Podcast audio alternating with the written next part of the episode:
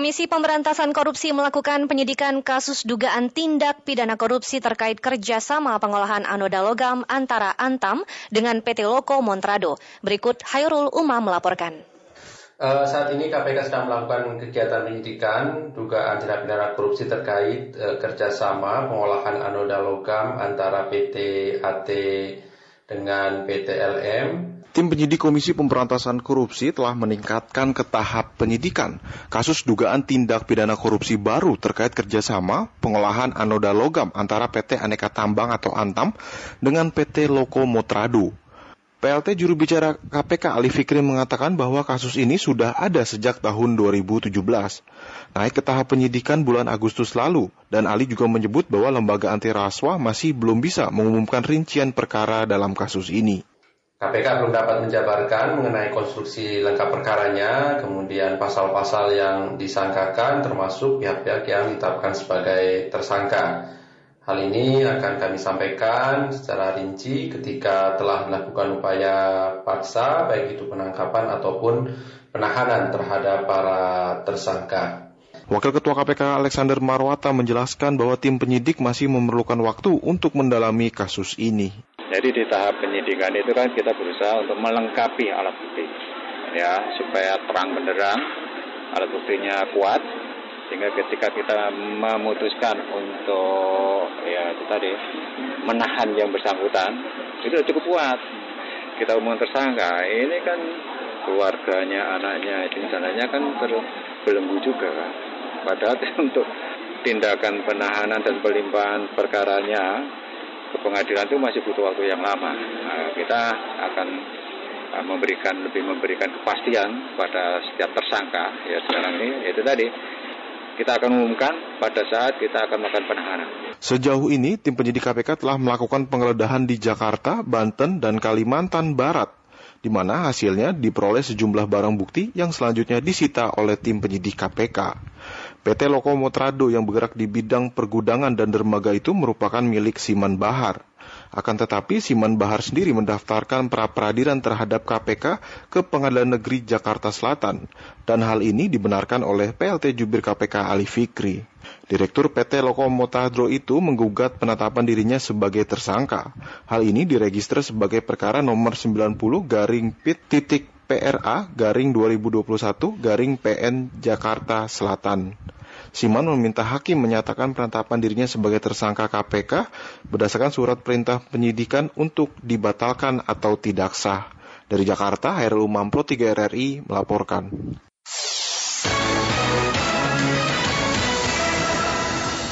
Bandara Ngurah Rai resmi membuka penerbangan internasional dibuka hari ini. Terdapat 19 negara yang diizinkan masuk ke Bali. Berikut pendengar Safira Amalia melaporkan untuk Anda.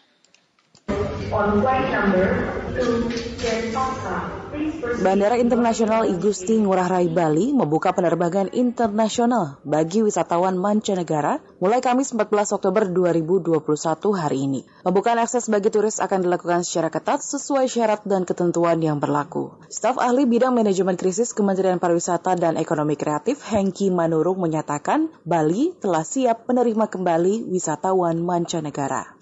Kita sudah melakukan simulasi dari kedatangan pesawat, penerimaan di bandara, lalu jika perlu apa jika dikarantina dan lain-lain dan seluruh prosedural ini merupakan prokes yang kita sudah tetapkan bersama dan sudah kita bahas. Lalu kami melihat bahwa Bali adalah provinsi yang terhebat saat ini karena vaksinasinya sudah mencapai 99 persen vaksin pertama. Ini kami kesaksian asli semua dan yang untuk dosis duanya pun sudah mendekati angka 90 persen. Hal ini membuat keyakinan bangsa ini, negara kita, eh, Presiden Jokowi bahwa Bali sudah siap untuk menerima Wisman kembali dengan segala prosedur yang kita bersama-sama bangun bersama antara Pemda dan antara Kementerian Pusat. Sementara itu, Wakil Gubernur Bali Cokorda Oka Arta Ardana Sukawati atau Cok Aceh mengakui bahwa pariwisata merupakan lokomotif perekonomian Bali, sehingga pembukaan Bali menjadi perhatian banyak pihak. Persiapan pun dilakukan dengan seksama. Ia menyebut terdapat 35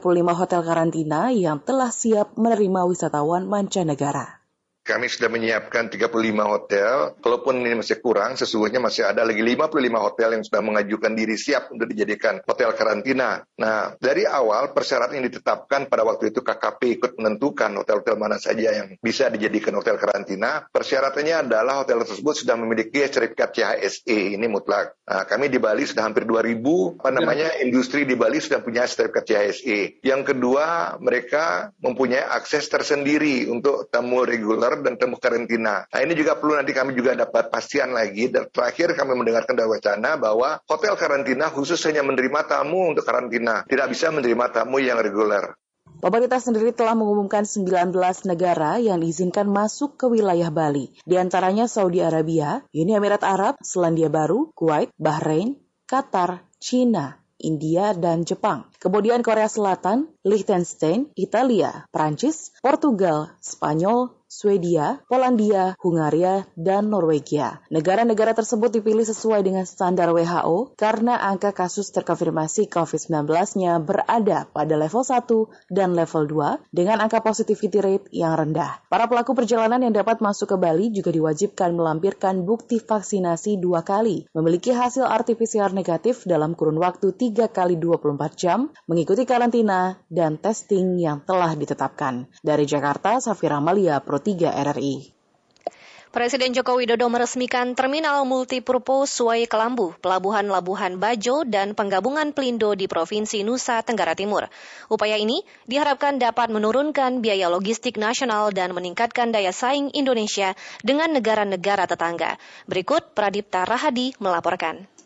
Kita resmikan Terminal Multipurpose Wai Kelambu Pelabuhan Labuan Bajo. Peresmian penggabungan Pelindo dan Terminal Multipurpose Uai Kelambu, Pelabuhan Labuan Bajo di Kabupaten Manggarai Barat, Provinsi Nusa Tenggara Timur telah dilakukan oleh Presiden Joko Widodo dalam kunjungan kerjanya hari ini. Presiden Jokowi dalam kesempatan tersebut mengatakan setelah tertunda selama tujuh tahun lamanya, penggabungan Pelabuhan Pelindo 1, 2, 3, dan 4 menjadi PT Pelindo Persero dapat menurunkan biaya logistik nasional dan meningkatkan daya saing Indonesia Indonesia dengan negara-negara tetangga. Kepala negara pun memerintahkan agar PT Pelindo juga berpartner dengan jaringan global sehingga produk lokal bisa masuk ke negara-negara lain dan mendunia. Biaya logistik kita bisa bersaing dengan negara-negara lain. Artinya daya saing kita, competitiveness kita akan menjadi lebih baik. Yang kedua, saya juga minta agar ini dipartnerkan. Carikan partner yang memiliki networking, memiliki jaringan yang luas sehingga nanti terkoneksi dengan negara-negara lain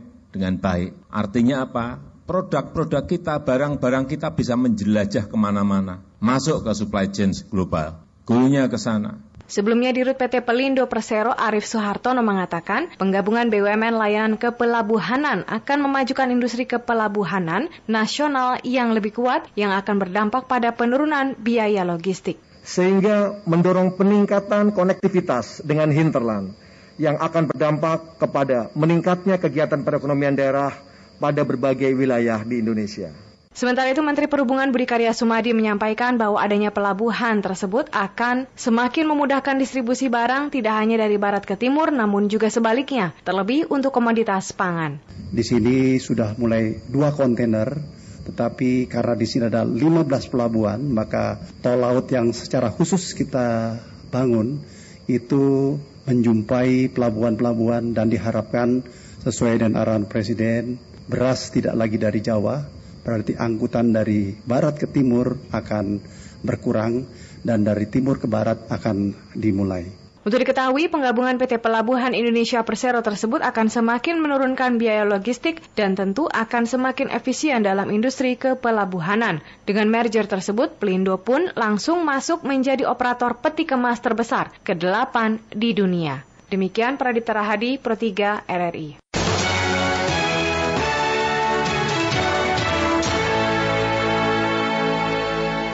Terima kasih Anda masih mendengarkan program Matiga Radio Republik Indonesia. Pendengar Indonesia diperkirakan tidak terdampak krisis energi seperti yang melanda sejumlah negara seperti Eropa dan Cina. Krisis energi tersebut berdampak kepada krisis listrik. Berikut kami hadirkan informasi selengkapnya bersama dengan Rudi Zain berikut ini. Secara ketahanan energi kita masih aman ya? Saya melihatnya sangat aman sekali sih. Ke Beberapa negara di Eropa bahkan China dan India saat ini sedang menghadapi krisis energi. Permintaan energi meningkat seiring dengan bangkitnya ekonomi yang tahun lalu dihantam pandemi COVID-19.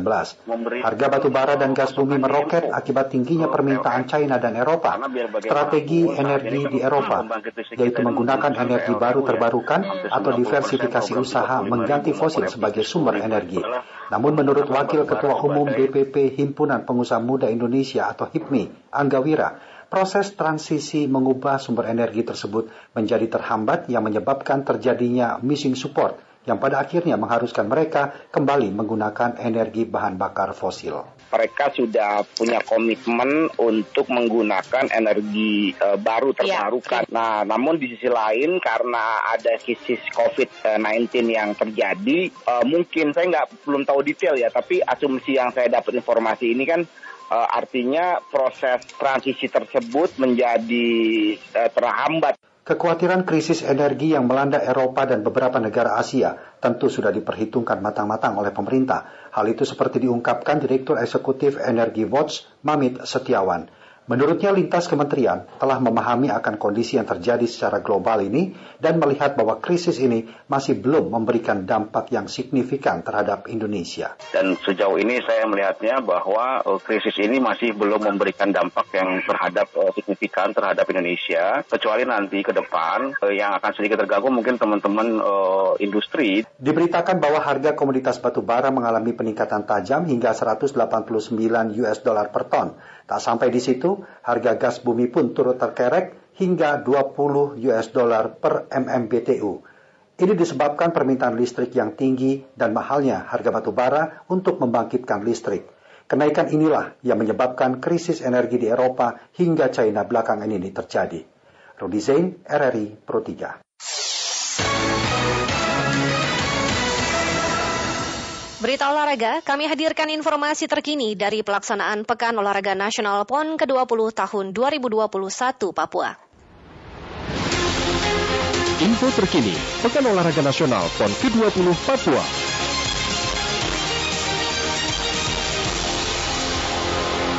Dari arena angkat berat PON 20 Papua tengah berlangsung dua pertandingan final kelas 120 kg dan plus 120 kg putra. Seperti apa jalannya pertandingan di sana? Ada reporter kami Rian Apridani yang akan melaporkan langsung dari venue pertandingan di Auditorium Universitas Cendrawasih Jayapura. Silakan Rian dengan laporan Anda. Iya, Andela dan Agi saat ini sedang berlangsung partai final di kelas 120 dan plus 120 kg putra, di mana di sini akan mempertandingkan, eh, akan memperebutkan dua medali emas terakhir di cabang olahraga angkat berat. Adapun untuk pertandingan sendiri saat ini tengah berlangsung pelaksanaan untuk angkat angkatan bench press, di mana sebelumnya sudah dilakukan angkatan squat, di mana untuk uh, angkatan terbaik diraih sementara oleh lifter asal Jawa Barat Asep Nurdin dengan angkatan squad terbaik 410 kg di percobaan angkatan ketiga. Sementara di uh, peringkat dua, sementara ini terbaik angkatan dari lifter asal Jambi Reza dengan total angkatan 390 kg untuk angkatan terbaik squad. Sementara di peringkat ketiga, dari asal Kalimantan Timur Abdul Aziz dengan total angkatan 353 kg. Dan saat ini pertandingan sedang dihentikan sejenak karena ada permasalahan teknis di lapangan. Wasit dan juga Dewan Juri saat ini masih menunggu perbaikan yang dilakukan oleh tim teknis dan ini sudah terhenti sekitar hampir 30 menit pertandingan di arena angkat berat PON 20 Papua dikarenakan adanya permasalahan teknis yang menyebabkan pertandingan harus dihentikan sementara. Namun kami ingin juga menyampaikan bahwa sebelumnya uh, pada partai final lain di nomor 84 kg putri telah terjadi pemecahan rekor nasional oleh uh, lifter Jawa Barat Fitria Martiningsih yang sekaligus juga meraih medali emas di nomor 84 kg. Fitria berhasil membukukan total angkatan seberat 677,5 kg dengan rincian 295 kg squat, 165 kg bench press dan 217,5 kg deadlift. Adapun kami sempat merekam bagaimana detik-detik momen angkatan medali emas yang dilakukan oleh Fitria Martiningsih berikut. Saat ini sudah berada di dewan barbel, kaki sudah direntangkan. Berkonsentrasi sejenak untuk melakukan angkatan. Tangan sudah memegang kuat barbel untuk melakukan angkatan. Mampukah Fitria melakukan angkatan seberat 217,5 kg. Angkatan benar mendengar dan angkatan terbaik Fitria 217,5 kg dan Fitria berhasil meraih medali emas di nomor 84 kg dengan total angkatan 660 kg.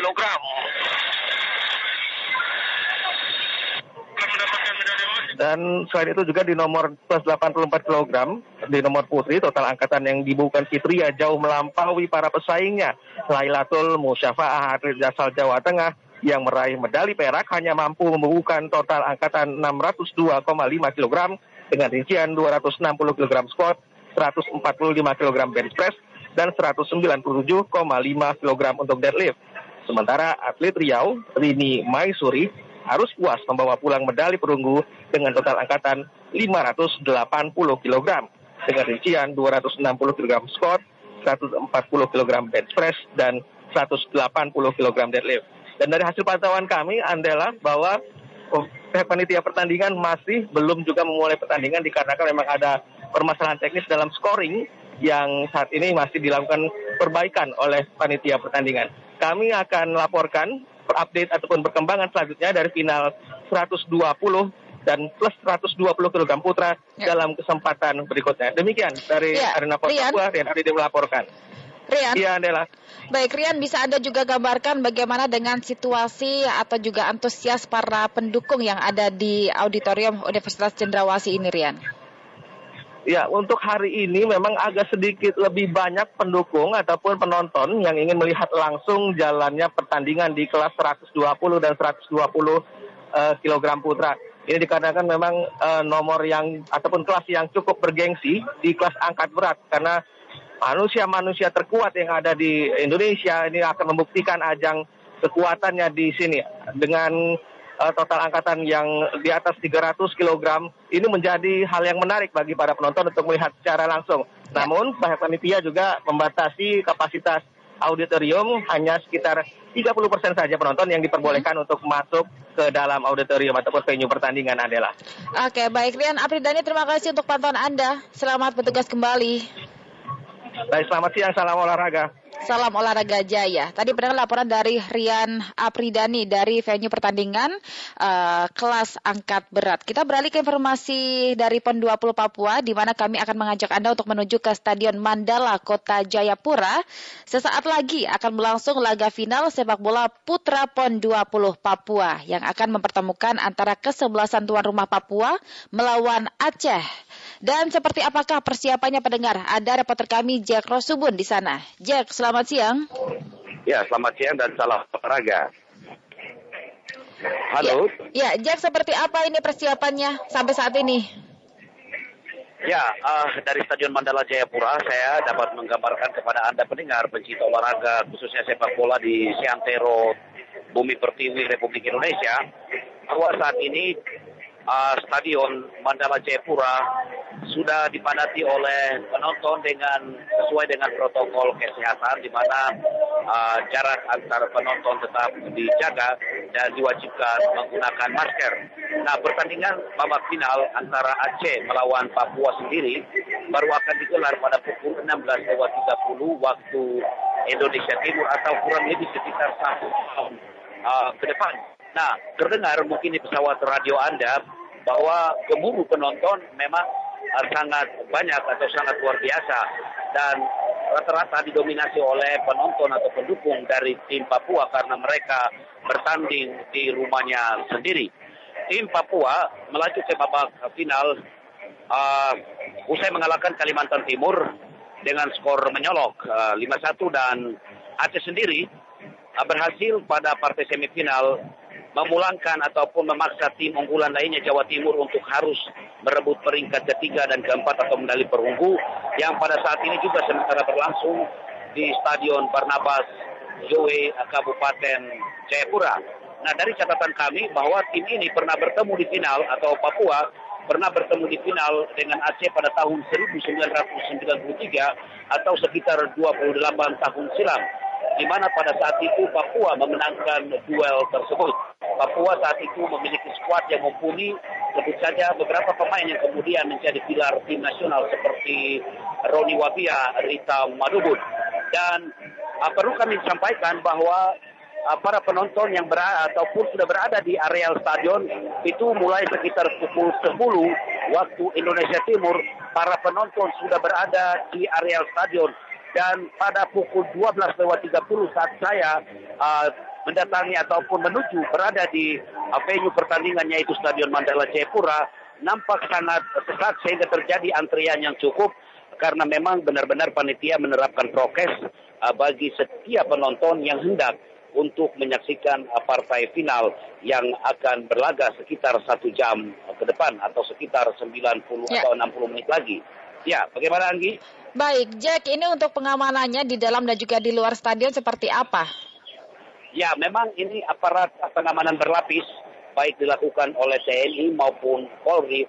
Bahkan di setiap tribun, uh, jalan menuju ke tempat duduk itu anggota ataupun aparat uh, keamanan berjaga-jaga. Nah mereka tidak hanya menjaga dari aspek keamanan, tetapi juga membantu panitia mengatur jarak penonton, mewajibkan penonton menggunakan masker dan jumlah pengamanan menurut saya sangat-sangat uh, uh, banyak uh, aparat keamanan yang diterjunkan pada saat ini bahkan uh, tempat di sebelah kanan saya melaporkan ataupun di tribun uh, VIP nampak Kapolda Papua juga sudah berada dan memberikan beberapa ataupun kami melihat uh, memberikan arahan dengan menuju arah kiri arah kanan memerintahkan anggotanya untuk melakukan pengamanan uh, khususnya di tempat di mana beliau berada ataupun di tribun utama ini. Angela.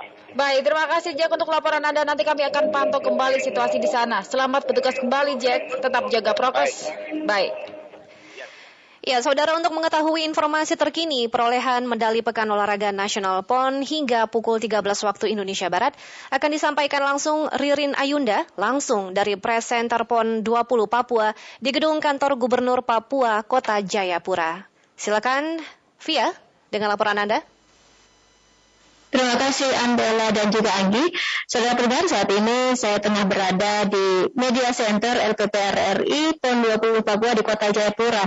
Dan hingga pukul 15 waktu Indonesia Timur dari 15 cabang olahraga yang melangsungkan pertandingan di hari ini, beberapa di antaranya telah menyelesaikan partai final dan memperebutkan medali emas. E, di antaranya adalah cabang ol olahraga loncat indah, yakni di nomor final papan 1 meter putri, kemudian selam laut, di dua nomor final oval 5 poin putra dan putri, kemudian cabang terjun payung di nomor kerjasama antar parasut. Dan selain itu, beberapa cabang olahraga saat ini masih melangsungkan partai finalnya hingga malam nanti. Di antaranya ada cabang olahraga atletik, kemudian loncat indah di papan 3 meter putra, karate, final bergu putra dan putri, kemudian gulat, basket 3x3 putra dan putri, bola tangan, final putra dan putri, serta biliar dan angkat berat. Dan selesainya beberapa nomor final ini tentunya juga mengubah perolehan medali sementara di klasemen medali PON 20 Papua. Hingga pukul 15 waktu Indonesia Timur atau pukul 13 waktu Indonesia Barat, perolehan medali sementara yang kami kutip dari situs resmi PON 20 Papua menunjukkan kontingen dari Jawa Barat masih kokoh di puncak klasemen perolehan medali dengan 126 medali emas, 97 perak dan 111 medali perunggu disusul Jawa Timur. Di urutan kedua dengan 106 medali emas, 86 perak dan 78 perunggu. Kemudian DKI Jakarta yang siang tadi menambah emasnya dari cabang olahraga rugby nomor e, bergu putri berada di peringkat ketiga dengan 100 medali emas, 87 perak dan 96 perunggu. Kemudian tuan rumah Papua di peringkat keempat dengan 87 medali emas, 61 perak dan 99 perunggu. Di posisi kelima ada Bali yang mengoleksi 28 medali emas, kemudian 23 perak dan 50 perunggu. Dari Media Center LPPR RI PON 20 Papua di Kota Jayapura, Ririn Ainda melaporkan kembali ke Pro 3 RRI. Info terkini, Pekan Olahraga Nasional PON ke-20 Papua.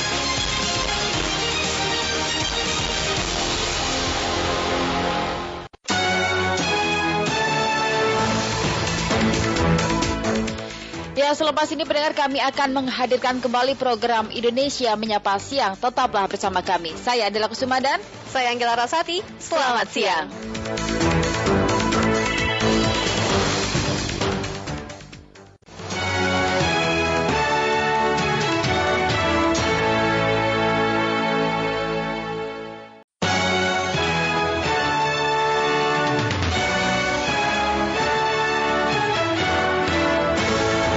Medan Merdeka Barat 45 Jakarta, inilah Radio Republik Indonesia dengan Warta Berita. Polda Metro Jaya sudah berhasil mengamankan empat, kemudian juga kemarin dari Polres uh, Jakarta Pusat juga sudah uh, melakukan penggerebekan di daerah Sedayu. Tidak dibenarkan personil pengamanan melakukan kekerasan atau setidaknya tidak dibenarkan personil pengamanan melakukan kegiatan pengamanan di luar dari SOP-nya.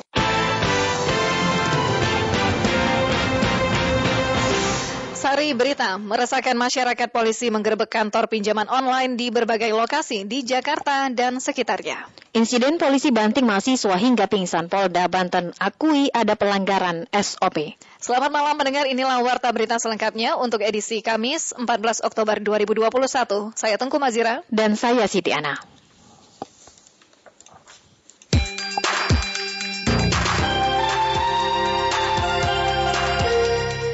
Mengawali warta berita untuk malam hari ini kami hadirkan sekilas berita utama. Sedikitnya 600 hektar lahan pertanian di Kecamatan Babulu, Kabupaten Panajam, Pasir Utara, Kalimantan Timur terendam banjir kiriman dari Kecamatan Longkali, Kabupaten Pasir. Gunung Ili Lewotolok di Kabupaten Lebata, Nusa Tenggara Timur kembali erupsi pada pukul 17.11 waktu Indonesia Timur. Seperti dilansir dari kantor berita antara, gunung mengeluarkan asap putih dengan tinggi kolom abu kurang lebih mencapai 800 meter di atas puncak. Papua sukses meraih medali emas sepak bola putra Pekan Olahraga Nasional 20 Papua setelah mengalahkan Aceh pada laga final dengan skor 2-0. Adapun perunggu adalah tim Jawa Timur. Papua juga sukses meraih medali emas untuk sepak bola putri.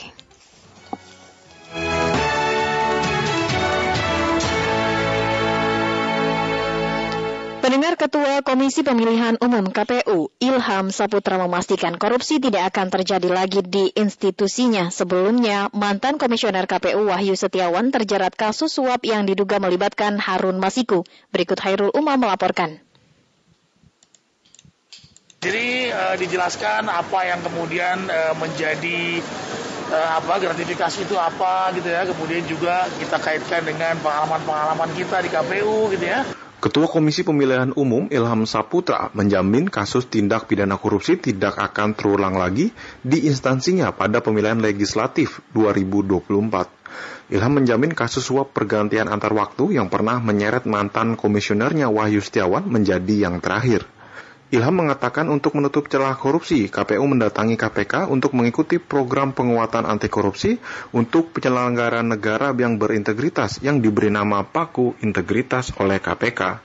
Program itu diharapkan bisa menguatkan integritas jajarannya dari sikap koruptif saat bekerja pada Pileg 2024. Nah KPU ini kan memang uh, pernah ada terjadi kejadian seperti itu ya, dan ini ini juga adalah upaya kami Eh, bagi Komisi Pemilihan Umum untuk kembali memastikan bahwa kami tidak ingin ada kejadian-kejadian seperti itu terulang kembali di KPU. Lebih lanjut, PLT Jubir KPK IP Mariati Kuding mengatakan bahwa Paku Integritas sendiri merupakan program pendidikan KPK untuk meningkatkan kesadaran dan pengetahuan anti korupsi di kementerian dan juga lembaga. Paku Integritas merupakan salah satu program pendidikan KPK untuk meningkatkan kesadaran dan pengetahuan anti korupsi khusus bagi para penyelenggara negara di kementerian dan lembaga. Program ini meliputi dua kegiatan utama yaitu pembekalan anti korupsi atau executive briefing bagi para penyelenggara negara beserta pasangannya dan yang kedua adalah diklat pembangunan integritas bagi para penyelenggara saja. Ilham menyebut KPK mengajak pasangan tiap pejabat di KPU dalam program penguatan integritas tersebut. Ajakan pasangan itu dilakukan untuk menguatkan sikap anti korupsi dari pihak keluarga. Masing-masing juga membawa pasangannya agar bisa memahami agar tidak ada upaya-upaya atau keinginan untuk melakukan tindak pidana korupsi. Dari Jakarta, Hairul Umam Pro 3 RRI melaporkan. Kita beralih ke informasi lainnya. Pendengar, polisi menggerebek kantor perusahaan pinjaman online ilegal di sebuah ruko di Cengkareng, Jakarta Barat. Kabit Humas Polda Metro Jaya, Kombes Pol Yusri Yunus mengatakan penggerebekan menindaklanjuti laporan dari masyarakat karena selama ini pinjaman online sangat meresahkan. Dalam penagihan, nasabah diancam baik secara langsung maupun tidak langsung. Di lokasi Green Lake, di PT ITN yang merupakan kolektor penagihnya. Di ruko ini ada tujuh ruko yang tadi kita ketahui bersama, masuk bersama teman-teman semuanya, ada empat lantai di sini. Di sini ada 13 aplikasi yang digunakan oleh PT ini. Dari 13 lokasi ini, tiga memang ilegal, uh, legal, tapi ada 10 aplikasi yang ilegal. Dengan tiga bagian utama di sini, yang pertama adalah ada tim analis, kemudian tim uh, telemarketing, yang terakhir adalah kolektor. Kolektor ini penagih. Ada dua jenis penagihan yang dilakukan. Yang pertama melalui langsung didatangi ya dengan ancaman-ancaman apabila para peminjam-peminjam online ini tidak membayar akan dilakukan pengancaman terhadap yang uh, bersangkutan. Kemudian yang kedua adalah dengan melakukan penagihan atau kolektor melalui media sosial yang ada atau per telepon. Kalau media sosial bahkan kami temukan di sini bahwa penagihan itu dengan ancaman di media sosial bahkan memperlihatkan gambar-gambar pornografi. Nanti akan kenakan kami kenakan juga dengan pasal pornografi di sini. Jadi diancam kemudian diperlihatkan gambar-gambar pornografi kepada para pinjam-pinjam nonjol sehingga membuat stres yang uh, para korbannya sehingga mereka memaksakan diri untuk melakukan pembayaran. Dari lokasi penggerebekan di Cengkareng, 32 orang karyawan diamankan. Pendengar sebelumnya, polisi juga menggerebek empat lokasi kantor pinjaman online dengan empat tersangka utama. Yusri meminta agar masyarakat tidak tergiur dengan penawaran yang bagus, padahal menjerumuskan.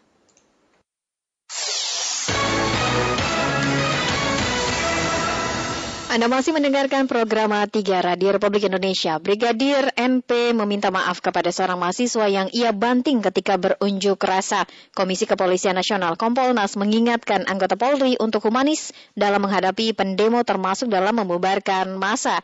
Adapun Komnas HAM meminta agar setiap aksi unjuk rasa berlangsung dengan tertib. Kami hadirkan informasi ini dalam laporan khusus yang disampaikan reporter Fitra Maria. Laporan khusus. Laporan khusus.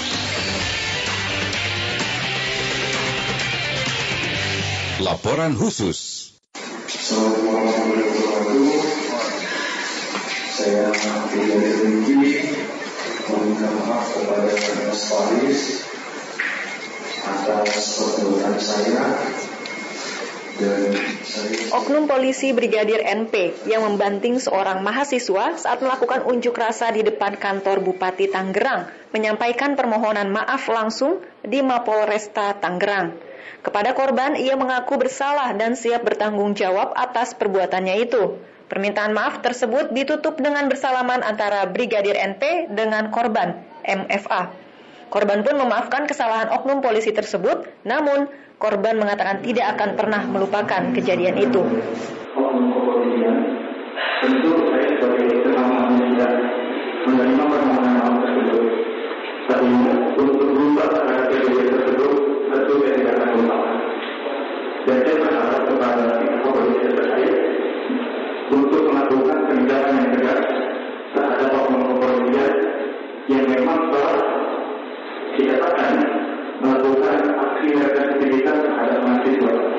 Menindaklanjuti hal itu, Kapolda Banten melalui Kapolresta Kabupaten Tangerang, Kombes Pol Wahyu Sri Bintoro menyayangkan hal itu terjadi kepada salah satu anggotanya.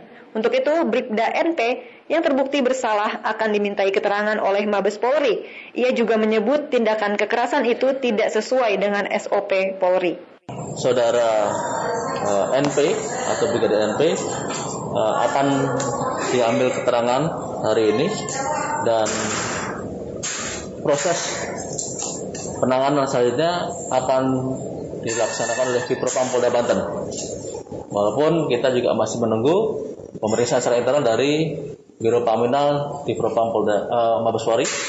Kemudian juga uh, hal ini merupakan atau bentuk ketegasan dari Bapak Kapolda Banten menyikapi perilaku oknum anggota yang di dalam melaksanakan tugas tidak sesuai dengan standar operasional prosedur dalam penanganan aksi unjuk rasa.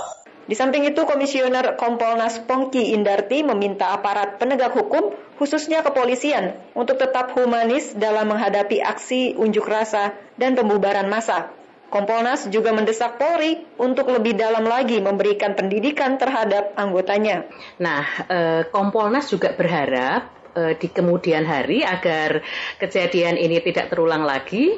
Uh, pertama memang mindset anggota itu harus uh, ditanamkan ya bahwa dalam menghadapi masyarakat, mengawal aksi unjuk rasa itu harus dengan cara-cara yang humanis, menghormati hak asasi manusia sebagaimana tadi di uh, atur dalam Perkap nomor 8 tahun 2009. Nah, sekaligus juga itu dipraktekkan berulang-ulang sehingga anggota ini uh, menjadi sadar dan kemudian uh, melakukan dengan sebaik-baiknya. Lebih jauh, Pongki bahkan mengusulkan kepada pimpinan Polri untuk memasang penggunaan bodi kamera pada seragam anggota yang sedang bertugas di lapangan. Sementara itu, Komnas HAM ikut mengecam tindakan represif tersebut ia berharap kejadian serupa tidak terulang lagi pada anggota polisi yang lain, dan ia juga berharap agar para peserta aksi dalam menyampaikan aspirasinya dilakukan dengan cara-cara yang damai. Menggunakan haknya dalam menyampaikan pendapat ini seluruh masyarakat seluruh Indonesia, kami berharap untuk dilakukan dengan cara-cara yang damai. Dan mendengar masyarakat mengecam tindakan kekerasan oknum anggota kepolisian berpangkat brigadir berinisial MP kepada mahasiswa saat aksi demonstrasi di depan kantor Bupati Tangerang. Oknum polisi tersebut harus ditindak tegas. Berikut pendapat mereka. Saya guru dari Tangerang tentang polisi yang membanting mahasiswa itu ini sebetulnya sebagai tanda lagi-lagi kemunduran akan penegakan hukum kita ya. Bagaimana itu kan adik-adik mahasiswa ingin menyampaikan aspirasinya. Saya bilang kemunduran kenapa? Karena ini bukan kali ini saja polisi bertindak demikian. Dulu-dulu ketika demo di DPR RI bahkan bukan hanya tindakan represif bahkan hingga menghilangkan nyawa. Nama saya Jehan. Saya tinggal di daerah sini nih, daerah Tiga Raksa. Ya, jadi menurut saya tindakan yang dilakukan oleh pihak kepolisian itu sangat tidak etik lah itu harus ditindak tegas. Kalau bisa langsung eh dibawa ke arah pengadilan. Uh, yang saya baca kan kemarin ada tindakan permintaan maaf dari kedua pihak. Saya harap sih polisi bertanggung jawab uh, dalam bentuk hitam di atas putih lah. Jadi si polisi ini bertanggung jawab sampai benar-benar uh, sembuh dari si korbannya Tanggapan saya sebagai mahasiswa terkait tindakan represi polisi terhadap mahasiswa, saya sangat kecewa atas tindakan polisi tersebut karena menurut saya polisi itu harusnya mengayomi dan manusiawi dalam menyikapi hal-hal yang mendesak seperti kemarin di mana uh, terjadi bentrokan tetapi tidak harus bertindak seperti itu. Kalau menurut saya seperti itu.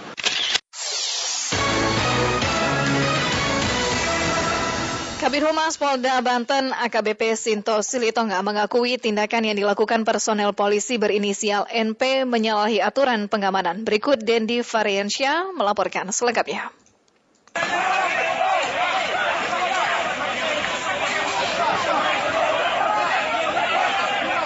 Anggota Komisi 3 DPR RI Ade Rosi Hairunisah menyayangkan tindakan represif anggota polisi terhadap mahasiswa yang melakukan aksi demo pada peringatan hari ulang tahun ke-389 Kabupaten Tangerang pada Rabu kemarin.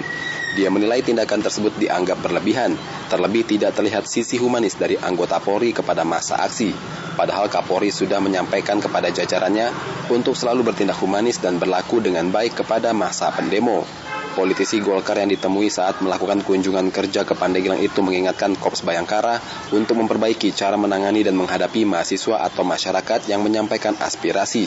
Dia berharap tindakan serupa tidak terulang kembali.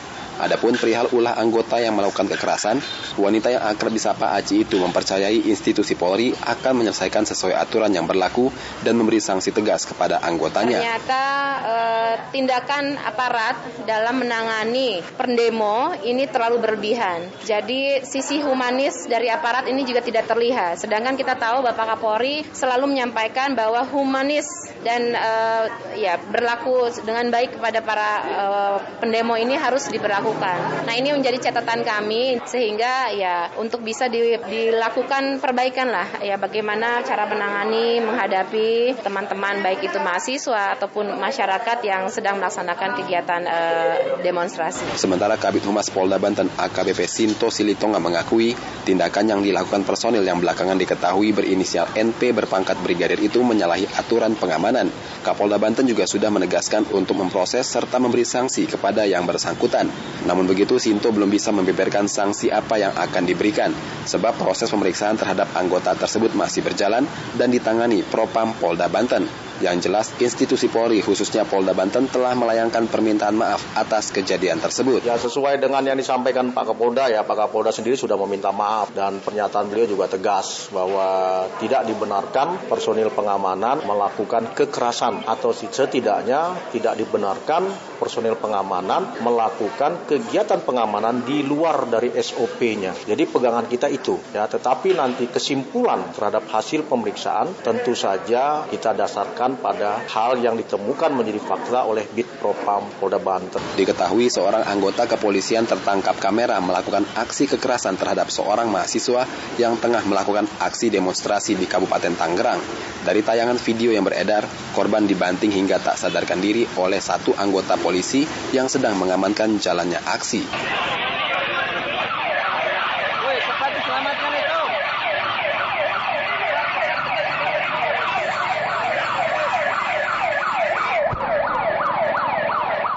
Dari Pandeglang, Banten, Dendi Farensyah melaporkan.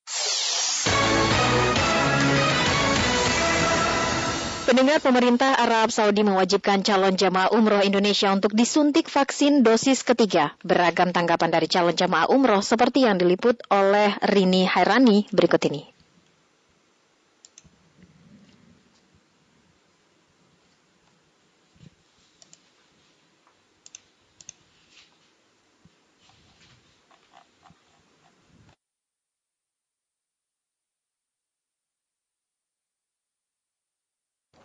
Kita beralih ke informasi lainnya pendengar, Menteri Koordinator Bidang Perekonomian Erlangga Hartarto mengatakan penyaluran bantuan tunai untuk pedagang kaki lima dan warung di Nusa Tenggara Barat merupakan terbaik di Indonesia. Penyaluran cepat dan paling tepat sasaran dibandingkan provinsi lainnya. Kami hadirkan informasi selengkapnya bersama reporter Muhammad Halwi. Menteri Perekonomian RI Airlangga Hartarto menyalurkan bantuan tunai pedagang kaki lima dan warung BTPKLW kepada beberapa perwakilan PKL dan PW yang ada di Kota Mataram. Kegiatan yang diadakan di Taman Sangkaryang Kota Mataram tersebut dihadiri oleh sekitar 70 PKL dan PW yang telah didata oleh Polresta Mataram dan Kodim 1606 Mataram. Menko Airlangga mengapresiasi penyaluran yang dilakukan oleh pemerintah Kota Mataram.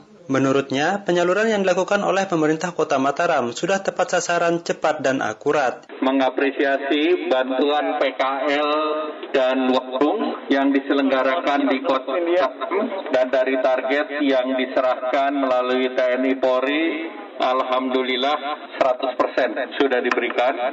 Ini adalah yang terbaik se-Indonesia. Jadi dari uji coba di Medan dan kemarin Bapak Presiden melaunching hari Jumat lalu di Jogja dan ini dicek sendiri bahwa uh, cepat sekali dan tepat sasaran. Selain menyalurkan bantuan, Menko Airlangga juga menyaksikan simulasi pendataan BTPKLW oleh personel TNI dan Polri. Menko Airlangga kemudian berkeliling menyapa para pedagang yang berada di sekitar Taman Sangkareang. Sementara itu, salah satu PKL di Mataram, Erman Adi Supriyono mengaku bersyukur dengan bantuan yang diberikan oleh pemerintah.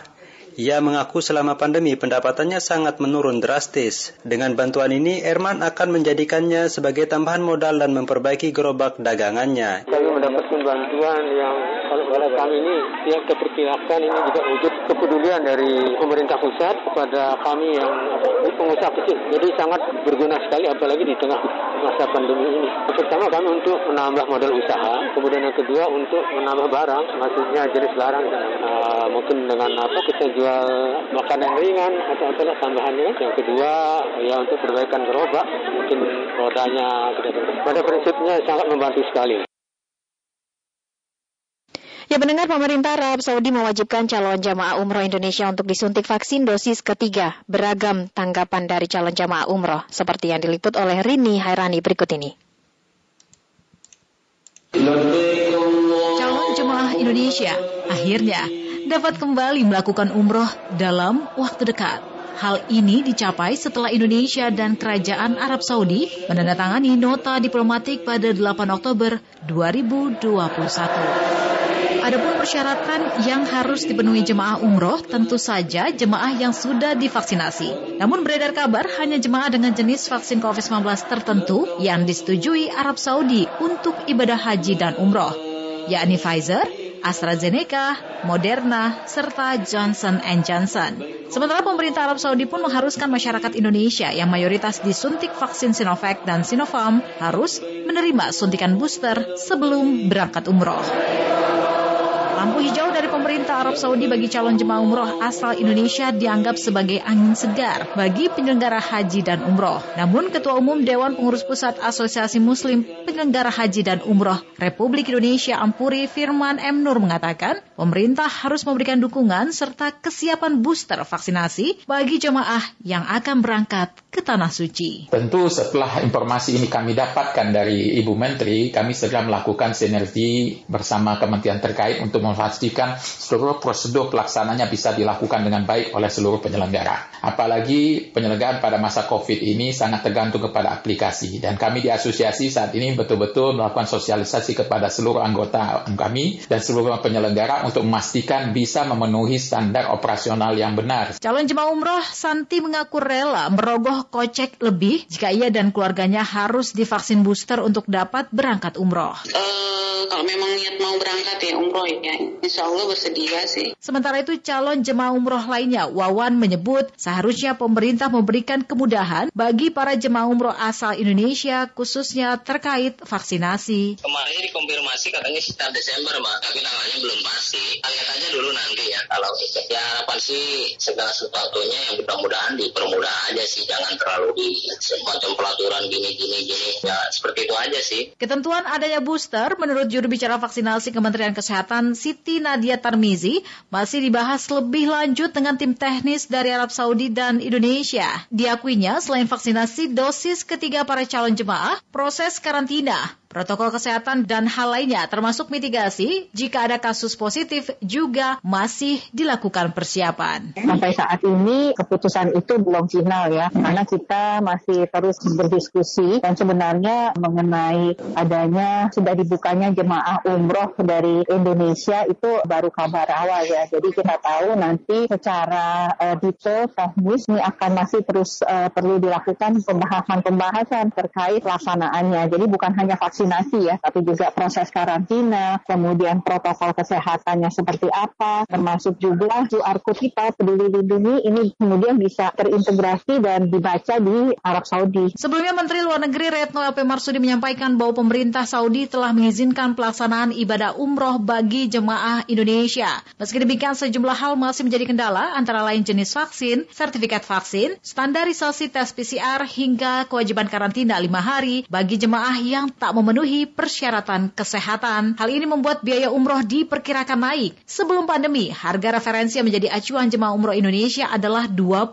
juta rupiah. Namun ketika dibuka untuk uji coba pada November 2020 sampai awal Februari 2021, harga referensi menjadi 26 juta rupiah. berikut kami hadirkan sejumlah informasi dari ajang Pekan Olahraga Nasional 20 Papua.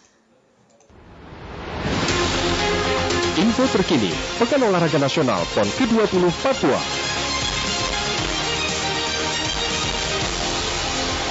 Informasi pertama pendengar Jawa Barat dan DKI Jakarta berbagi medali emas pada cabang olahraga karate pon 20 Papua untuk nomor Komite Beregu Putra Putri yang berlangsung di Gor Pusdiklat Penerbangan Kayu Batu. Langsung dari kota Jayapura, Edwi Puryono melaporkan selengkapnya. Edwi. Ya baik, Saudara tim Jawa Barat dan DKI Jakarta berbagi medali emas di hari terakhir cabang olahraga karate PON 20 Papua. Cabang karate yang digelar di Gor Politeknik Penerbangan Kayu Batu Jayapura, tim Jawa Barat dan DKI Jakarta meraih medali emas di nomor Komite Bergu Putra Putri. Jawa Barat sukses menyabet medali emas Komite Bergu Putra setelah mengalahkan DKI Jakarta dengan skor 3-2 di laga final. Sedangkan untuk nomor Komite Bergu Putri, DKI Jakarta secara dramatis menghentikan perlawanan Sumatera Utara. Tim asal ibu kota tersebut menang dengan skor 2-1 melalui karateka andalannya Devi Nadia yang tampil di pertarungan penentuan melawan Desinta Rakawuni Banurea. Melalui hasil di nomor pertandingan terakhir cabang olahraga karate ini, maka Jawa Barat sukses mengantongi 4 medali emas, 2 perak, dan 3 medali perunggu. Sedangkan DKI Jakarta harus puas bertengger di peringkat kedua dengan perolehan 3 medali emas, 4 perak, dan 2 medali perunggu. Di cabang sepak bola, tuan rumah tim Papua berhasil meraih medali emas setelah mengalahkan Aceh dalam laga yang digelar di Stadion Mandala Jayapura petang tadi. Tim Papua sukses mengalahkan Aceh dengan skor 2-0. Dua gol yang membawa anak asuh pelatih Edward Iva Dalam sukses membawa medali emas salah satu cabang bergengsi itu dihasilkan Kapten tim Ricky Sawor pada menit keempat dan 22. Gol pertama dihasilkan dari titik penalti setelah salah seorang pemain Aceh melakukan handsball di kotak 16. Sedangkan gol kedua yang menjadikan skor akhir 2-0 dihasilkan melalui tendangan keras menyusur tanah dari luar kotak penalti yang gagal diantisipasi kiper Aceh Kairil Jul. Babak final yang juga mendapatkan perhatian langsung dari Menpora Zainuddin Amali juga diwarnai keluarnya satu kartu merah bagi pemain Aceh. Keberhasilan juga membuat tim Papua sukses mengawinkan medali emas cabur sepak bola PON 20 2021. Sebelumnya pada sepak bola putri, Papua pun meraih medali emas setelah mengalahkan Jawa Barat dengan skor 1-0 pada laga final yang digelar di Merauke. Sementara medali perunggu diraih tim Jawa Timur yang menang 3-2 atas Kaltim di Stadion Barnabas Yowe, Kabupaten Jayapura. Langsung dari Jayapura, Edwin Puryono melaporkan kembali ke studio. Pendengar, bagaimana analisa perolehan medali Pekan Olahraga Nasional PON 20 Papua yang hari ini tinggal mempertandingkan 15 cabang olahraga? Kami sudah bersambung dengan reporter Adi Wiono langsung dari Jayapura. Adi? Ya, baik Zira, Ana, dan pendengar Pro 3 RRI di mana pun Anda berada. Jelang usainya pelaksanaan PON 20 Papua nampaknya sudah ter, sudah terlihat kontingen yang akan memposisikan sebagai peraih gelar juara umum pesta olahraga terbesar nasional untuk tahun ini.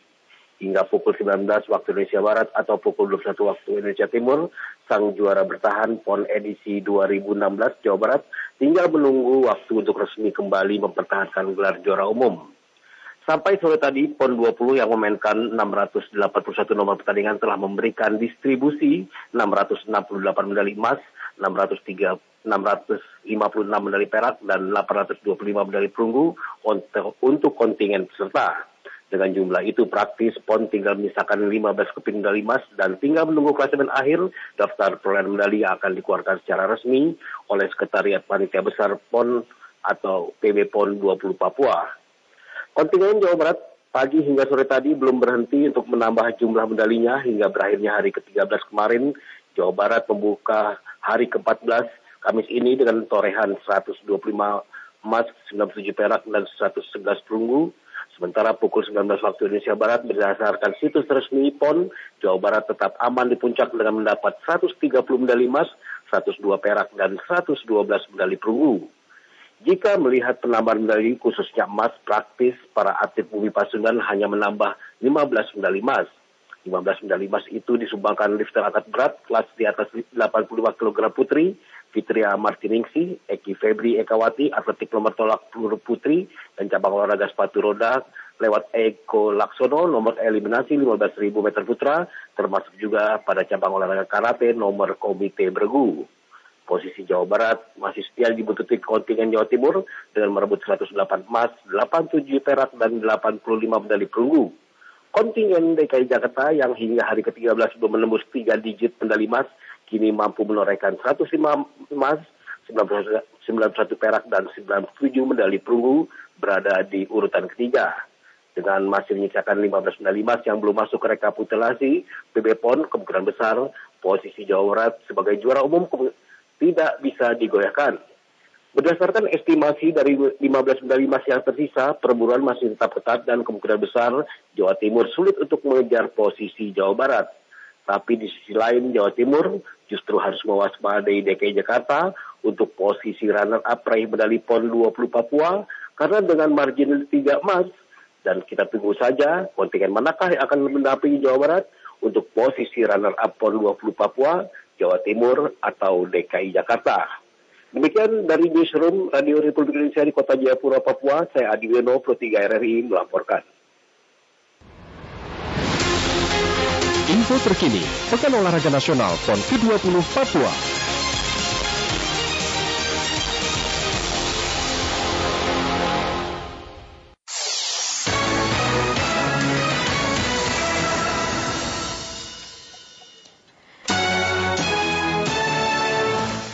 Pendengar tetaplah bersama kami. Setelah ini kami masih akan kembali dengan sejumlah informasi aktual dalam Indonesia Menyapa Petang. Saya Tengku Mazira. Dan saya Siti Ana.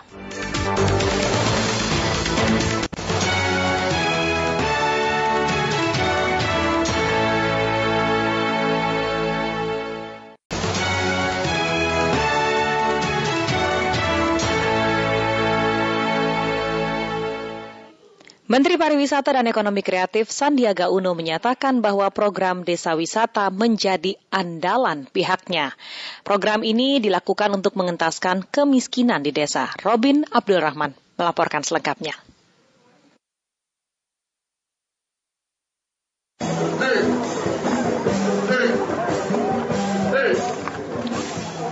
Keberadaan desa wisata di Indonesia mampu meningkatkan kesejahteraan dan membuka lapangan pekerjaan bagi warga desa.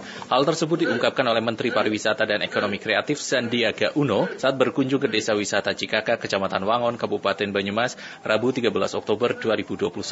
Menurut Sandi, negara hadir dalam bentuk pembinaan, peningkatan kapasitas, dan juga promosi desa wisata. Selain itu, pemerintah daerah berkewajiban untuk membuka akses yang baik menuju ke desa wisata, sehingga wisatawan mau datang dan tinggal lebih lama di desa wisata, termasuk dengan sasaran wisatawan luar negeri untuk berkunjung ataupun tinggal di desa wisata, dengan sejumlah ketentuan karena saat ini masih dalam suasana pandemi. Sandiaga Uno melihat desa wisata Cikakak cukup lengkap sebagai tujuan wisata dalam negeri maupun luar negeri, yaitu selain ada objek wisata berupa Masjid Caka Tunggal yang merupakan masjid tua dengan ratusan kera, adanya seni tradisional, makanan, kerajinan, dan juga adanya homestay. Untuk membuka lapangan usaha dan lapangan kerja bagi ibu-ibu dari KWT dan juga ibu-ibu PKK.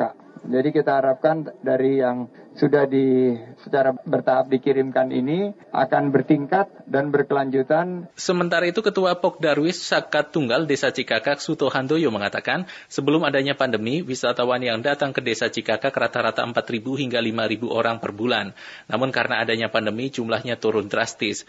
Namun demikian sejak September 2021 Desa Wisata Cikakak mulai dibuka kembali untuk umum dengan prokes ketat pencegahan COVID-19 termasuk penggunaan aplikasi Peduli Lindungi. Ya kalau sebelum pandemi itu kita per bulannya sudah sampai 4.000 sampai 6.000. Uh, uh, ya.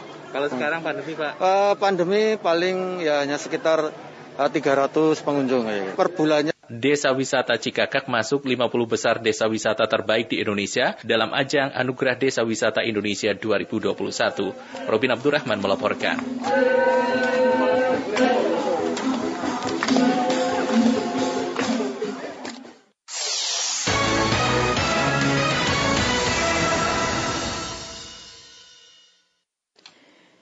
Sejumlah negara mengalami krisis sumber daya energi mulai dari China, Eropa, dan India. Hal ini menjadi tantangan sekaligus peluang bagi Indonesia. Informasi ini kami hadirkan dalam sesi laporan khusus Pro 3 bersama Alfred Stuter. Laporan khusus. Laporan khusus.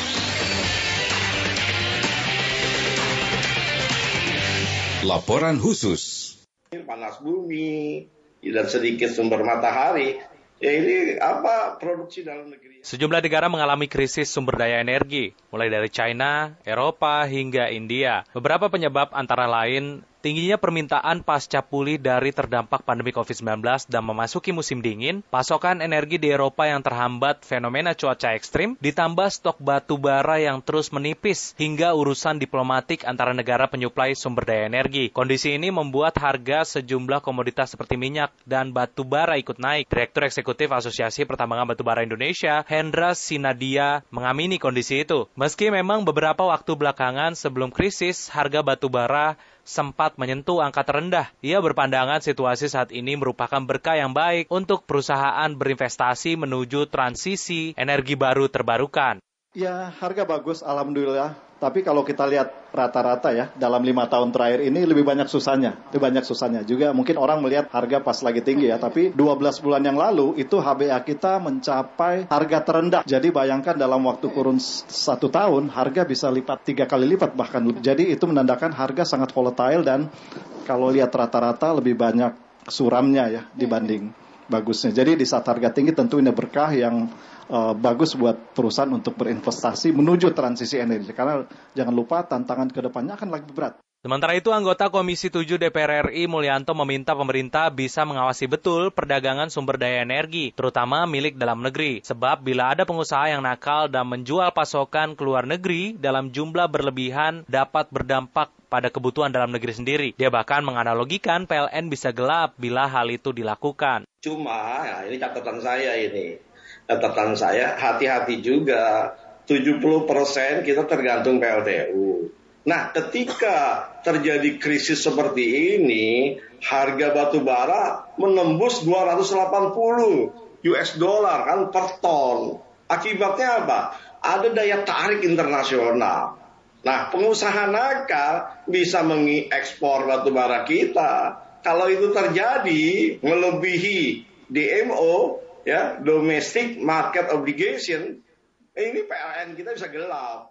Di sisi lain, Sekjen Asosiasi Perusahaan Minyak dan Gas, Mose Rizal berpandangan musim dingin di negara-negara Eropa bersifat sementara, sehingga akan sulit bila ingin memanfaatkan peluang kondisi ini. Ia menekankan perlunya memikirkan jangka panjang mengingat cadangan sumber daya energi milik Indonesia cukup besar. Kalau bilang dimanfaatkan eh, krisis energi di Eropa sekarang yang saat ini lagi sedang berjalan ya, apalagi mereka sudah memasuk mau memasuki musim dingin ya. Sulit karena itu sifatnya sementara. Ya, kita harus selalu memikirkan jangka panjang kita.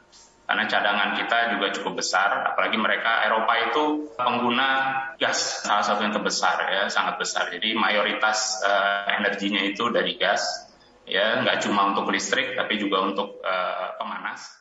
Sebagai informasi, harga batu bara baru-baru ini menyentuh harga 280 US dollar per tonnya. Sementara harga minyak dunia berkisar 80 US dollar per barelnya. Harga komoditas ini terus mengalami lonjakan seiring dengan krisis energi dunia yang meluas ke beberapa negara. Dari Jakarta, Alfred Suter Pro 3 RRI.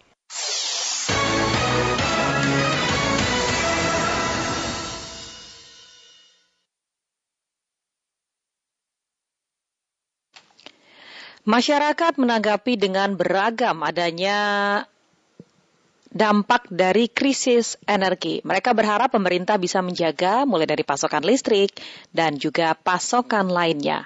Mereka berharap agar Indonesia juga tidak terdampak dalam krisis energi. Ada yang meminta agar pengusaha tidak terlena dan bisa menjaga pasokan energi dalam negeri. Berikut penuturan masyarakat.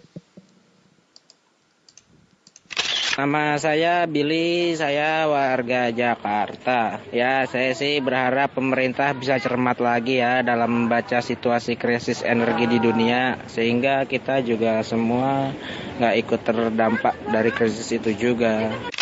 Saya Melani, warga Depok. Iya, menanggapi krisis energi dunia saat ini serem juga sih ya. Ya, semoga ke depannya banyak upaya-upaya yang bisa dilakukan untuk memasok energi kita supaya tetap aman. Saya Fikih, warga Jakarta. Saya rasa pengusaha batu bara bisa bijak dalam menyikapi situasi ini. Jangan sampai malah menjual banyak terus pacokan energi yang ada di dalam negara tak terganggu.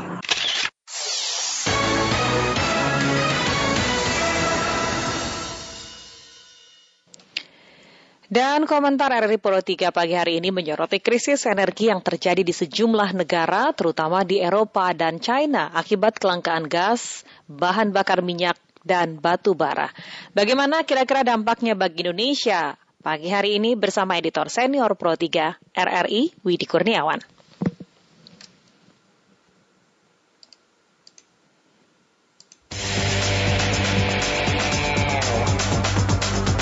Editorial Pro 3. Selamat pagi pendengar. Kemarin harga batu bara di pasar Newcastle Australia sudah 260 dolar bahkan sempat menyentuh 280 dolar per ton. Capaian harga tersebut lebih dari tiga kali lipat atau 300% dibandingkan harga pada bulan yang sama tahun lalu. Kenaikan harga batu bara yang demikian tinggi pada sejumlah pasar batu bara di Eropa dan di Cina disebabkan oleh kelangkaan bahan bakar gas di negara tersebut. Pasokan gas sangat minim dan harganya juga mahal. Akibatnya, pemerintah negara-negara di Eropa kembali menggunakan batu bara sebagai sumber bahan bakar pengembangan listrik mereka. Padahal, pemerintah Eropa awalnya sudah menutup pembangkit listrik dengan bahan bakar batu bara karena dianggap merusak lingkungan. Namun karena gas langka dan harganya lebih mahal dari batu bara, maka pilihannya tetap batu bara. Apalagi sebentar lagi Eropa masuk musim dingin yang memerlukan fasilitas pemanas dalam jumlah besar. Kondisi serupa hampir sama terjadi di Cina, walau penyebabnya berbeda. Bahkan di Cina Tiongkok ada pembatasan dan penjatahan penggunaan listrik Bagaimana dengan Indonesia? Sampai sekarang memang belum terasa dampaknya, tetapi tetap perlu waspada. Walau Indonesia adalah penghasil batu bara, minyak, serta gas. Ini kewaspadaan yang penting dan terutama adalah pemerintah harus mengawal ketat kewajiban penjualan batu bara ke pasar lokal atau domestic market obligation batu bara. Memang harganya tidak menarik, hanya 72 dolar per ton bandingkan dengan pasar internasional yang 260 sampai 280 dolar per ton. Tetapi ini adalah kewajiban agar suplai listrik ke PLN juga dapat terjaga. Demikian komentar, selamat pagi.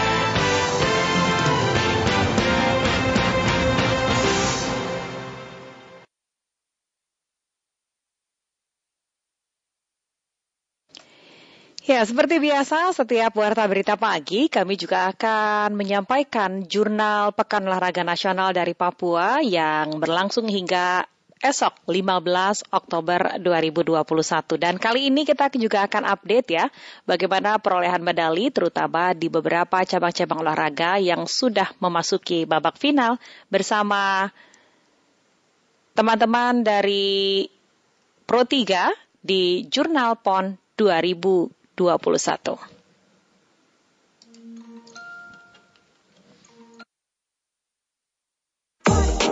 Jurnal PON ke-20 Papua.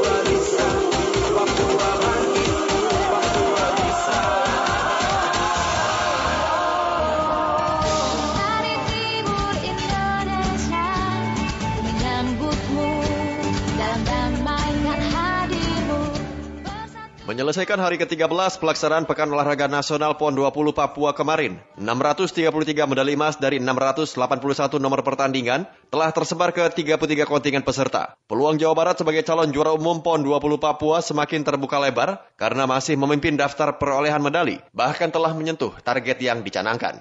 Posisi Jawa Barat masih dibayangi ketat pesaing utamanya yakni Jawa Timur di urutan kedua yang sama-sama telah menorehkan tiga digit raihan medali emas, meninggalkan kontingen-kontingen lain di bawahnya. Perjuangan para atlet Bumi Pasundan untuk mempertahankan gelar juara umum PON kemarin membuahkan 15 medali emas dengan tiga di antaranya dihasilkan dari arena catur, bulu tangkis, termasuk angkat berat serta atletik yang masing-masing menambah dua emas.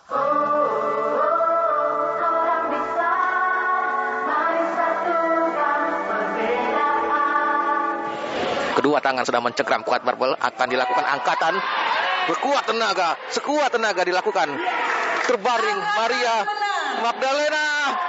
Angkatan yang dramatis berhasil memecahkan rekor nasional berpelukan bersama sang pelatih ekspresi bahagia ditunjukkan oleh Maria Magdalena memecahkan rekor 237,5 kg Lifter Jawa Barat Maria Magdalena Simanjuntak merebut medali emas setelah menyisikan empat pesaingnya di arena angkat berat kelas 84 kg putri.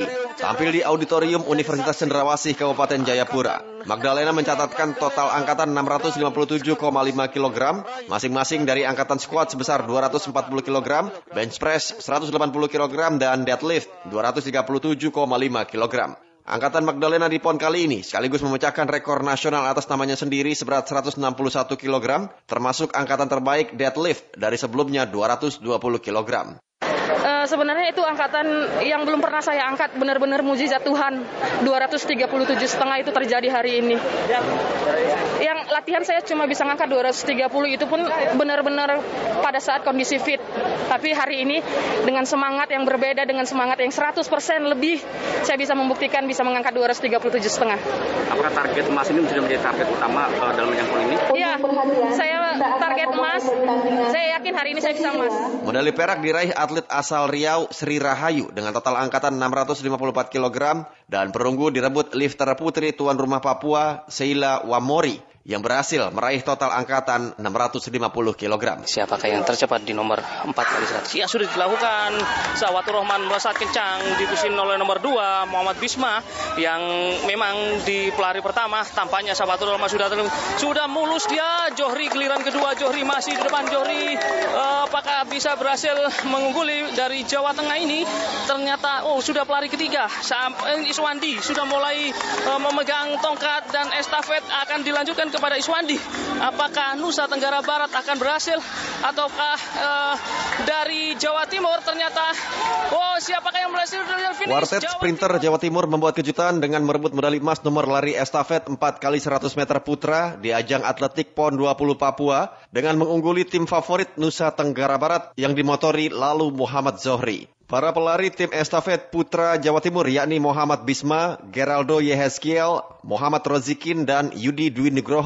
Finish pertama dengan waktu 40,22 detik mengungguli kuartet DKI Jakarta yang berisikan Wahyu Setiawan, Bayu Kertanegara, Dedi Prawira, dan Rohans Algif di posisi kedua. Sementara itu tim estafet putra Nusa Tenggara Barat yang menempatkan Zohri sebagai pelari kedua harus puas meraih urutan ketiga. Salah seorang skuad tim estafet Jawa Timur, Geraldo Yeheskiel mengaku tidak menyangka mendapat hasil yang memuaskan karena menyebut jika persiapan timnya dinilai belum ideal. Ya sesuai lah kan dengan kondisi corona juga yang latihannya jarang.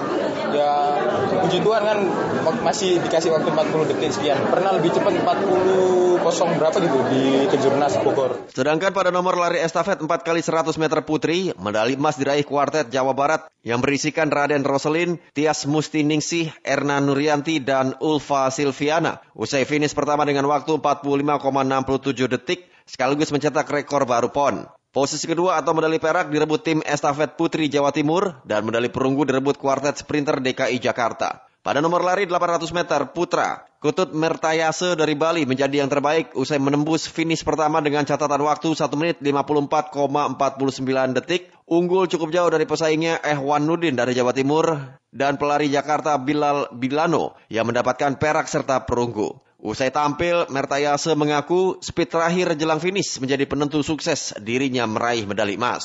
Kekuatan kita sama, cuma saya yakin dengan latihan saya bahwa saya bisa dan emang rezeki saya untuk tahun ini di PON kedua saya.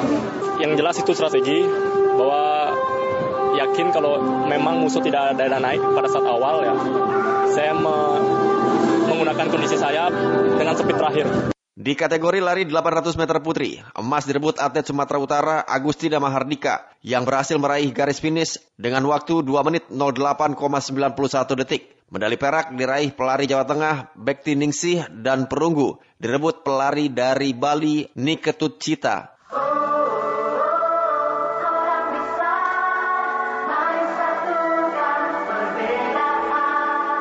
Tuan rumah Papua kemarin juga membuat prestasi manis setelah menempatkan Arnoldus Gawai Kaize sebagai yang terbaik pada nomor lempar cakram putra PON 20. Arnoldus sukses mempersembahkan medali emas usai membuat lemparan sejauh 49,78 meter. Sementara itu atlet Sumatera Utara Hardodi Sihombing membawa pulang medali perak setelah melempar sejauh 49,70 meter Diikuti Galih Yoga dari Jawa Tengah yang mendapatkan perunggu. Fokus di lemparan terakhir diakui Arnoldus menjadi kunci dirinya untuk menjadi yang terbaik di nomor lempar cakram putra. Yang pertama pada awal lemparan dari mulai pertama tuh saya agak ragu.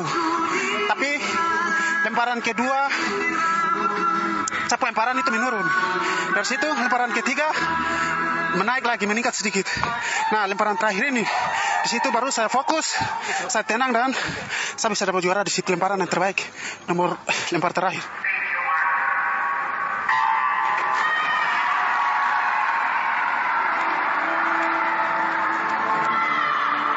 Berenang Patricia Yosita Hapsari berhasil mempersembahkan medali emas untuk Jawa Timur setelah tampil sebagai juara nomor 100 meter gaya bebas putri PON 20 yang berlangsung di Stadion Aquatik Kampung Harapan kemarin. Patricia saat final berhasil menyentuh dinding finish dengan catatan waktu 57,36 detik, sekaligus mengungguli perenang DKI Jakarta Angel Gabriela Yus yang mencatatkan waktu 58,48 detik, sehingga berhak mendapat perak dan perunggu direbut Sagita Putri Kris Dewanti dari Jawa Tengah. Patricia menyatakan dirinya senang dan puas atas torehan medali emas di arena renang PON 20. Jujur uh, setelah hari kelima ini sebenarnya event saya udah selesai. Jadi overall uh, saya merasa sangat puas, um, sangat senang dengan hasil yang dicapai di PON ini. Saya juga mencatat beberapa catatan waktu yang terbaru. Di arena renang Jawa Barat berhasil mendulang dua medali emas. Masing-masing dipersembahkan Triadi Fauzi Sidik pada nomor 100 meter gaya bebas putra dan Reza Bayu Prasetyo untuk nomor 200 meter gaya kupu-kupu putra. Raihan medali emas juga ditorehkan perenang DKI Jakarta Igede Siman Sudartawa untuk nomor 50 meter gaya punggung putra. Kemudian pada nomor 50 meter gaya punggung putri, Komang Adinda Nugraha mempersembahkan medali emas untuk kontingen Bali.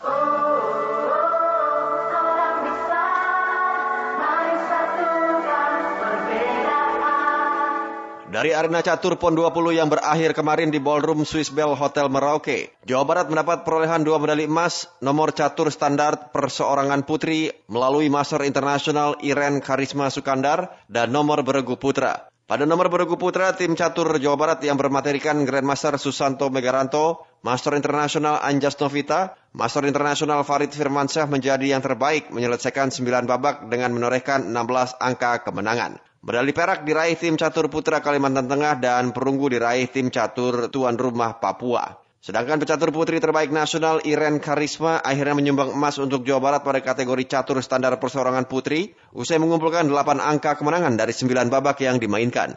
Di nomor ini, Iren mengungguli pecatur Kalimantan Timur, Master Internasional Chelsea Monica Sihite, dan Master VD Wanita Regita Desiari Putri dari Kalimantan Tengah yang mendapat perak serta perunggu. Usai tampil, Iren Karisma mengatakan meski meraih emas catur standar, dirinya tidak puas karena tidak bisa menggapai hasil terbaik di nomor individual catur cepat dan kilat. Oh, kecewa itu pasti ada, kecewa itu pasti ada. Tapi uh, apalagi pada saat berlangsung ya, perak lalu perak lagi pada saat berlangsung itu kecewa itu memang harus langsung diantisipasi uh, ya, karena masih ada kategori terakhir ini yaitu catur standar yang masih saya harus mainkan. Jadi memang untuk waktu atau ruang untuk bersedih itu hampir tidak ada. Kita harus kembali comeback lagi dan karena atlet juga kan seperti kesatria ya, jadi setelah kita kena jontos kita harus bangkit lagi. Perolehan medali emas kontingen Jawa Barat juga terjadi di arena bulu tangkis, bahkan mengawinkan gelar untuk nomor tunggal putra dan putri. Gelar juara tunggal putra diraih Panji Ahmad Maulana yang pada partai final memenangkan All Jabar Final menghadapi Sabda Perkasa Belawa dua game langsung 21-9, 21-17. Sukses Panji diikuti pebulu tangkis tunggal putri Saifi Rizka Nur Hidayah yang sempat tertinggal lebih dulu pada game pertama untuk mengalahkan Komang Ayu Dewi dari Bali Rubber Game 8-21, 21-17, dan 21-18. Usai tampil, Suri Rizka menyatakan dirinya terlambat start saat jumpa lawannya di laga final, bahkan sempat tampil tertekan. Ya saya tadi bermain noting tulus, nggak mau terlalu menggebu-gebu, malah lawan tadi kayak nafsu, pengen cepet-cepet matiin saya gitu. Saya mungkin kayak telat panas gitu loh, set kedua malah saya baru panas, lawan mungkin set pertama lebih pede mainnya, dan saya malah kayak ke kontrol terus gitu, malah saya nggak bisa keluar dari tekan. Selain di nomor tunggal, Jawa Barat juga mendulang medali emas ganda putra melalui pasangan Pramudia Kusuma Wardana, Muhammad Sohibul Fikri, yang di final unggul atas pasangan unggulan utama asal DKI Jakarta Adnan Maulana Gifari Ananda. Sedangkan di nomor ganda campuran, medali emas direbut Jawa Timur melalui pasangan Rehan Noval Kus Haryanto, Marhela Gisha Islami. Pada nomor ganda putri, Gisha berpasangan dengan Febriana Dwi Puji meraih medali emas usai menundukkan pasangan Jawa Barat 21-15, 21-12. Marhela mengungkapkan memainkan dua partai final ganda putri dan ganda campuran. Dirinya sempat merasakan turunnya kualitas fisik. Emang tenaga udah lumayan terkuras banyak, jadi kalau bisa tuh di setiap pertandingannya tuh jangan sampai rallynya banyak. Jadi fokus, fokusnya harus lebih lebih lebih lagi.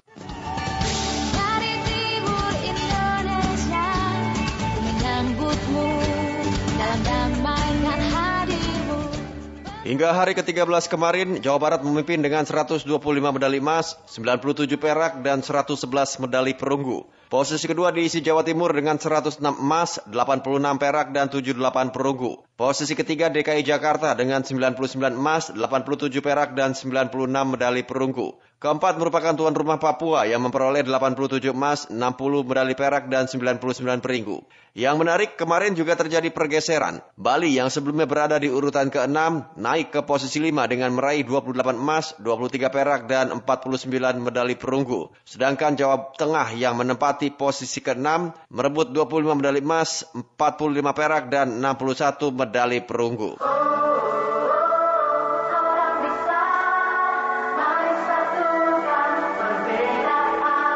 Hari ini pelaksanaan PON 20 yang berlangsung di empat klaster, yakni Kota dan Kabupaten Jayapura, Kabupaten Mimika, serta Kabupaten Merauke, masih mempertandingkan 14 cabang olahraga. Dari 14 cabang olahraga tersebut, 13 di antaranya memperebutkan medali emas, yakni angkat berat, karate, selam, loncat indah, sepak bola, softball, atletik, biliar, bola basket, bola tangan, terjun payung, dan gulat.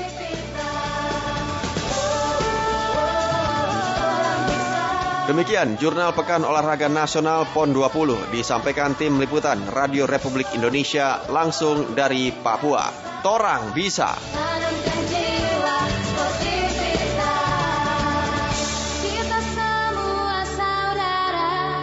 Angkat tanganmu untuk Indonesia. Demikian Jurnal PON ke-20 Papua.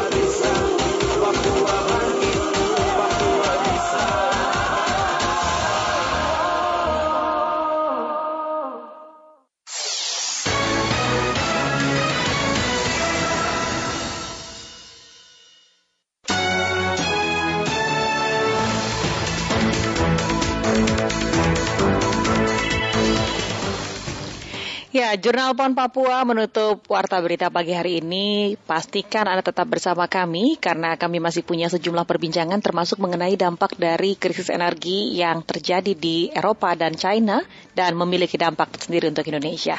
Kami hadirkan dalam perbincangan sesaat lagi. Jangan ke mana-mana. Seri Seri Starto. Selamat pagi.